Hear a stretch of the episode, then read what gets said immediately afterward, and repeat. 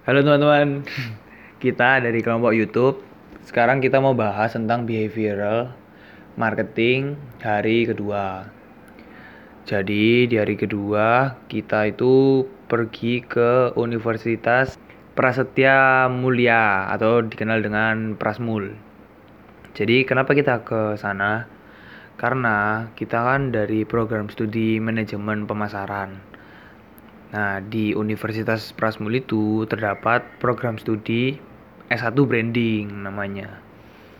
Toh pasti yang namanya manajemen pemasaran itu nggak pernah lepas dari yang namanya branding. Jadi itu adalah salah satu kita, alasan kita ke Universitas Prasetya Mulia juga gitu. Di sana kita belajar banyak hal baru tentang yang namanya branding. Mulai dari kita itu mengetahui apa perbedaan branding dengan marketing.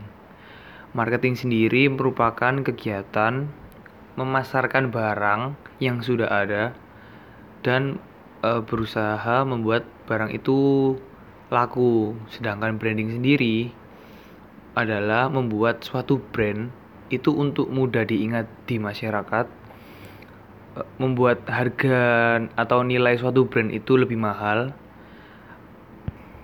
atau juga membuat brand itu familiar di mata masyarakat atau konsumen. Seperti contohnya ada huruf F dan backgroundnya biru, kita pasti tahu kalau itu adalah Facebook. Jadi kurang lebih seperti itulah. Lalu selanjutnya kita akan menjelaskan uh, apa yang kita dapat di seminar yang diadakan oleh Universitas Prasetya Mulia tadi. Mengapa sih branding itu penting? Mengapa ayo? Karena kalau misal nggak ada branding ataupun produk itu produksinya kuat tapi nggak ada branding itu pasti akan bangkrut atau kata lainnya dia pasti akan kalah dengan orang yang produksinya sedikit tapi dia punya brand. Karena eh, orang-orang uh, itu pasti lebih memilih yang brandnya lebih terkenal. Meskipun kayak misalnya produksinya dikit tapi kan uh, pasti kan dia tetap produksi dan orang itu bakal beli mungkin lain hari. Nah bagaimana sih caranya kita itu bisa bikin brand kita itu jadi terkenal dan orang itu bakal suka atau bakal mau mere menghabiskan uangnya untuk beli brand kita. Jadi yang pertama itu uh, kita itu harus punya uh, pikiran uh, atau istilahnya itu kita harus menerka-nerka kira-kira orang itu bisa suka nggak ya sama brand kita? Kata lainnya kayak misalnya kita suka sama orang gitu. Misalnya kita tahu kalau misal dia itu orangnya baik dia itu orangnya tinggi jago main basket atau dia itu orangnya pokoknya apalah yang positif gitu.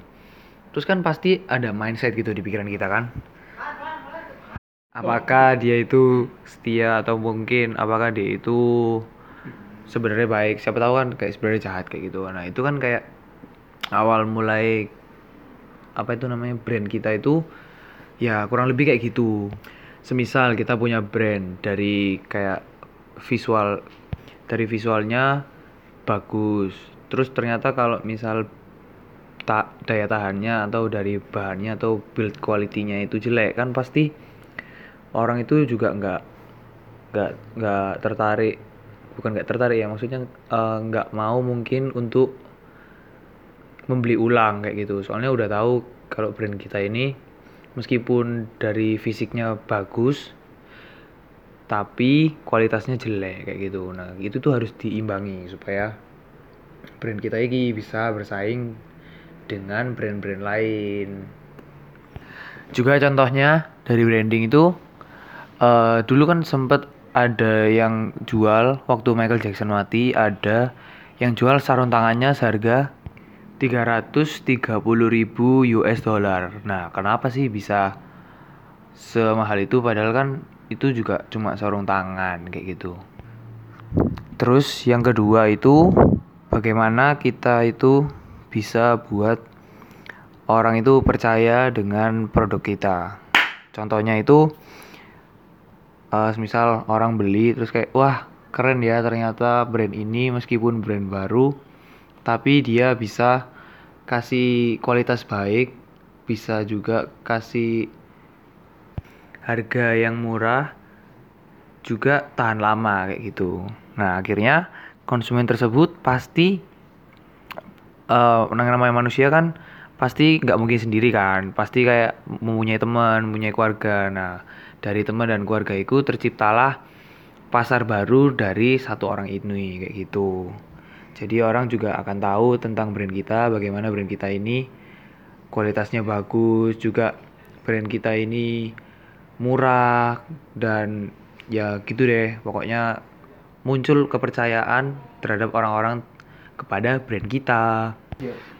Terus yang selanjutnya setelah konsumen percaya pasti akan ada loyalitas antara brand kita dengan konsumen. Semisal kita jual tas dan orang itu beli sekarang.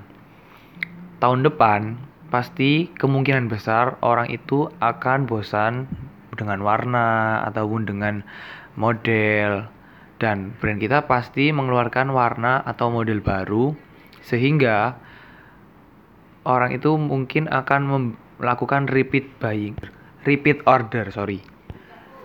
Dan akhirnya ya itu orang akan nggak mikir untuk membeli brand kita dan menghabiskan brand kita karena mereka sudah percaya dan mereka sudah tahu bagaimana kualitas, harga, dan semuanya terhadap brand kita.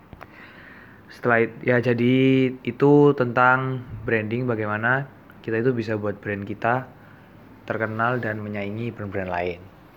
Terus yang kedua kita itu mau jelas kita dijelasin ke gimana caranya kalau kita kalau kita itu punya satu ya dibilang brand tapi saingannya banyak kayak semisal sekarang uh, franchise kopi sekarang udah banyak di mana-mana. Kayak janji jiwa kopi kenangan kopi lain hati dan banyak lagi.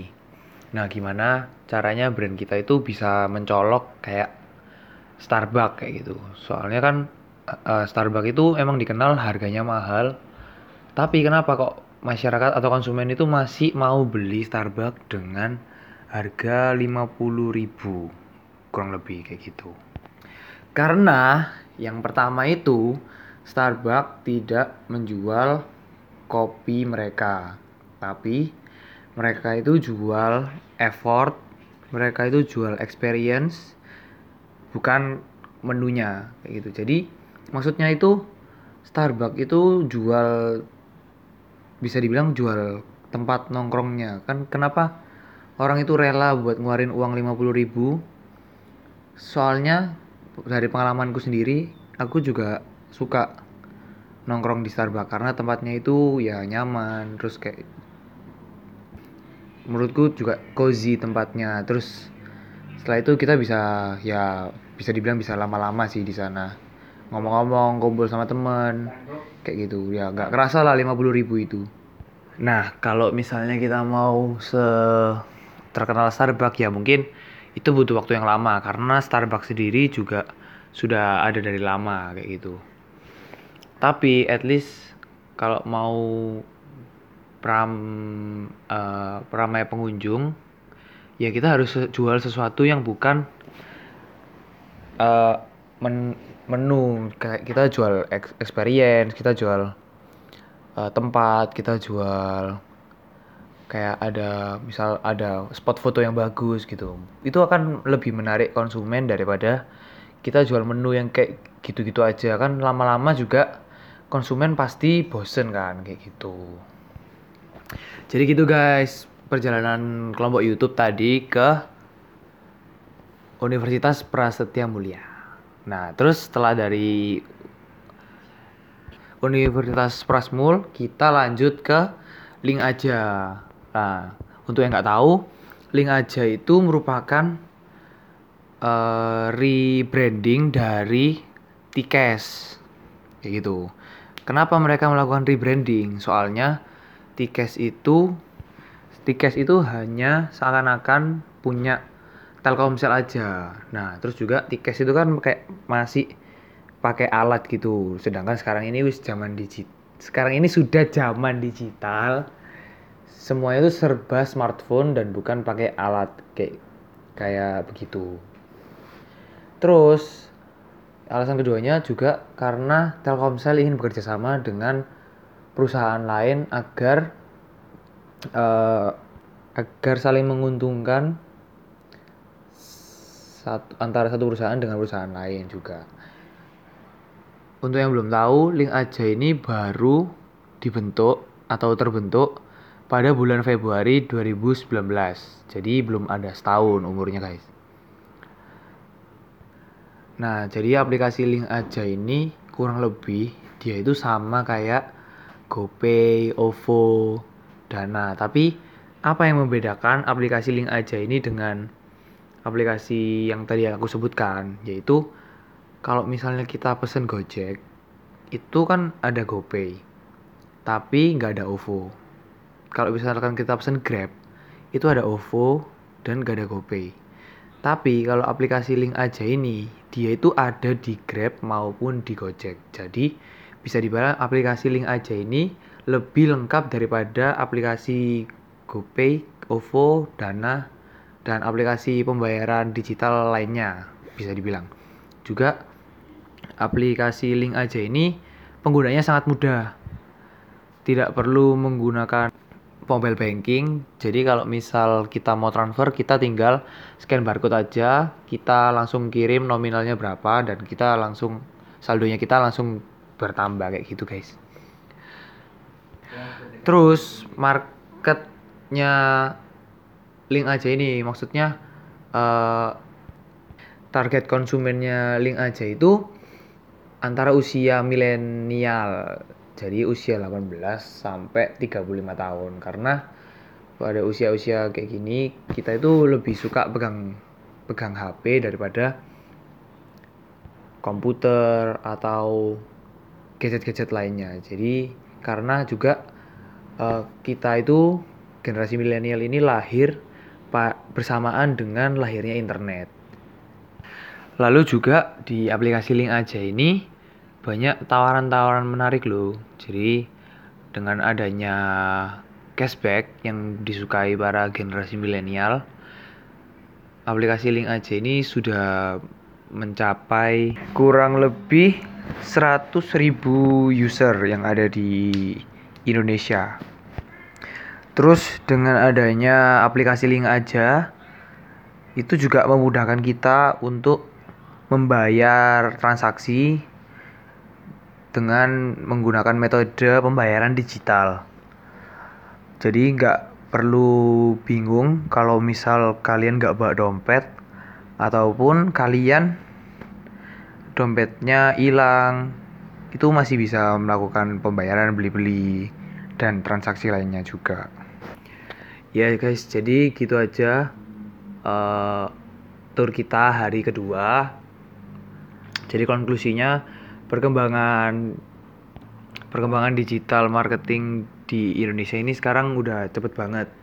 Semuanya sudah serba digital, serba handphone. Nah, juga semua kalangan yang di Indonesia pun sekarang sudah mempunyai smartphone dari anak kecil usia 5 tahun sampai orang tua sekalipun. Jadi nggak nggak susah untuk bisa beradaptasi dan kita juga bisa melakukan segala sesuatu sekarang melewati uh, smartphone kita, melewati komputer. Jadi dengan adanya perkembangan di era digital ini membawa dampak positif bagi sebagian orang dan maksudnya sebagian banyak orang kayak gitu ya thank you guys. Itu itu aja untuk hari ini. Ditunggu podcastnya untuk hari besok. Bye bye